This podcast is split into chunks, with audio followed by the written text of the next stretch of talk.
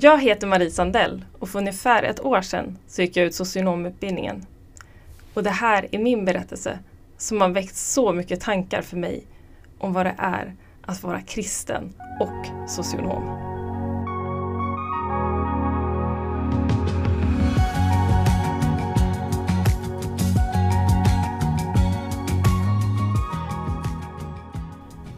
När jag hade praktik så tog mina handledare in mig. Jag hade två stycken då, eh, på sitt kontor och så skulle det vara sådana här mittterminssamtal. Och så sa de till mig att eh, vi har sett att du skriver ner böner i din anteckningsbok. Vi har sett att du har läst Bibeln någon gång på arbetstid. Vi, har, eh, vi vet att du har berättat för en anställd att du är kristen och eh, de här sakerna får man absolut inte göra. Och efter det här så cyklade jag hem till min man eh, som då var min fästman och, och jag minns att jag grät att jag inte visste vad jag skulle göra med det här riktigt. Och så här, inledningsvis vill jag bara ta tillfället också och förmedla att min intention med det här är alltså väcka samtal och väcka tankar hos oss som är kristna. Eh, jag hade två hårt arbetande och eh, drivna handledare som ville mig väl utifrån vad de eh, visste.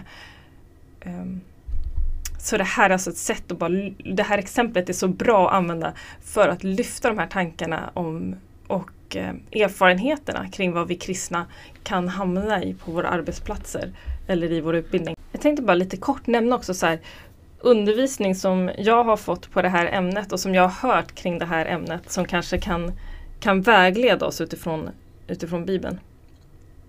Jag så här, å ena sidan så har vi då eh, till exempel Daniels bok, det gamla testamentet, där man liksom eh, tjänar samhället och man har sin lojalitet hos Gud. Och i Daniels bok så visar det sig att han, att han eh, går undervisningen och sin utbildning liksom i Babylon då, eh, som han bor i, men när han blir ombedd att eh, böja sig ner och hylla den här statyn som, som kungen har rest upp för att dyrka honom, då säger Daniel nej och han blir till och med Eh, Eh, och Daniels vänner också för den delen. Och de blir eh, nedslängda i eld och eh, räddade ur den. Och den berättelsen som vi säkert många av oss känner till. Så det är ett sätt där man liksom belyser att men vi kan tjäna samhället och vara lojala mot samhället men ha vår främsta lojalitet hos Gud. Vi kan också prata om Jeremia 29 där man säger att be för dess välgång, alltså för Babylon då när människorna, eller Israels folk då är deporterade dit. Be för dess välgång, för dess välgång är er välgång. Det skulle också vara en sån här grej som berättar för oss att men vi kan vara i det här samhället och verka här och be för dess välgång.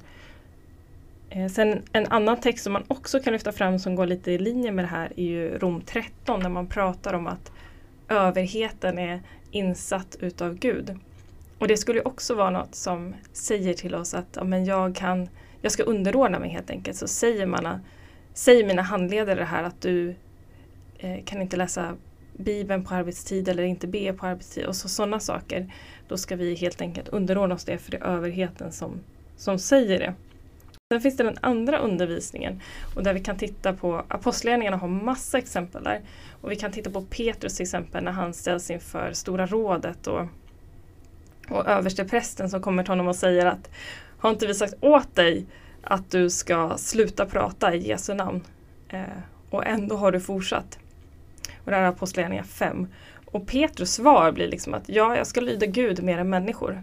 Så han fortsätter att undervisa i, i Jesu namn fast hans överhet då, de som, som verkligen är hans överhet, eh, till och med religiös överhet säger att han ska sluta berätta eller undervisa i Jesu namn.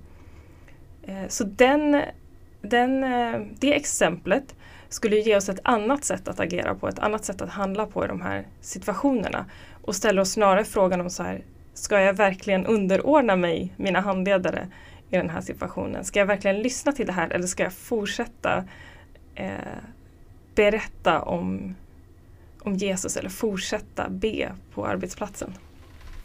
Och I den här situationen då, så hur jag agerade var att tänka att så här, nej men om ni säger åt mig att jag inte får be, att jag inte får läsa Bibeln, Eh, då ska jag minsann göra det på lunchen. Eh, för att på lunchen så det är inte arbetstid. Eh, så den kan man alltså inte styra över. Eh, så det, det, var min tanke och det höll ju en kort tid att jag satte mig på lunchen och bad för mig själv. Liksom. eh, istället för att gå ut och käka lunch med de andra.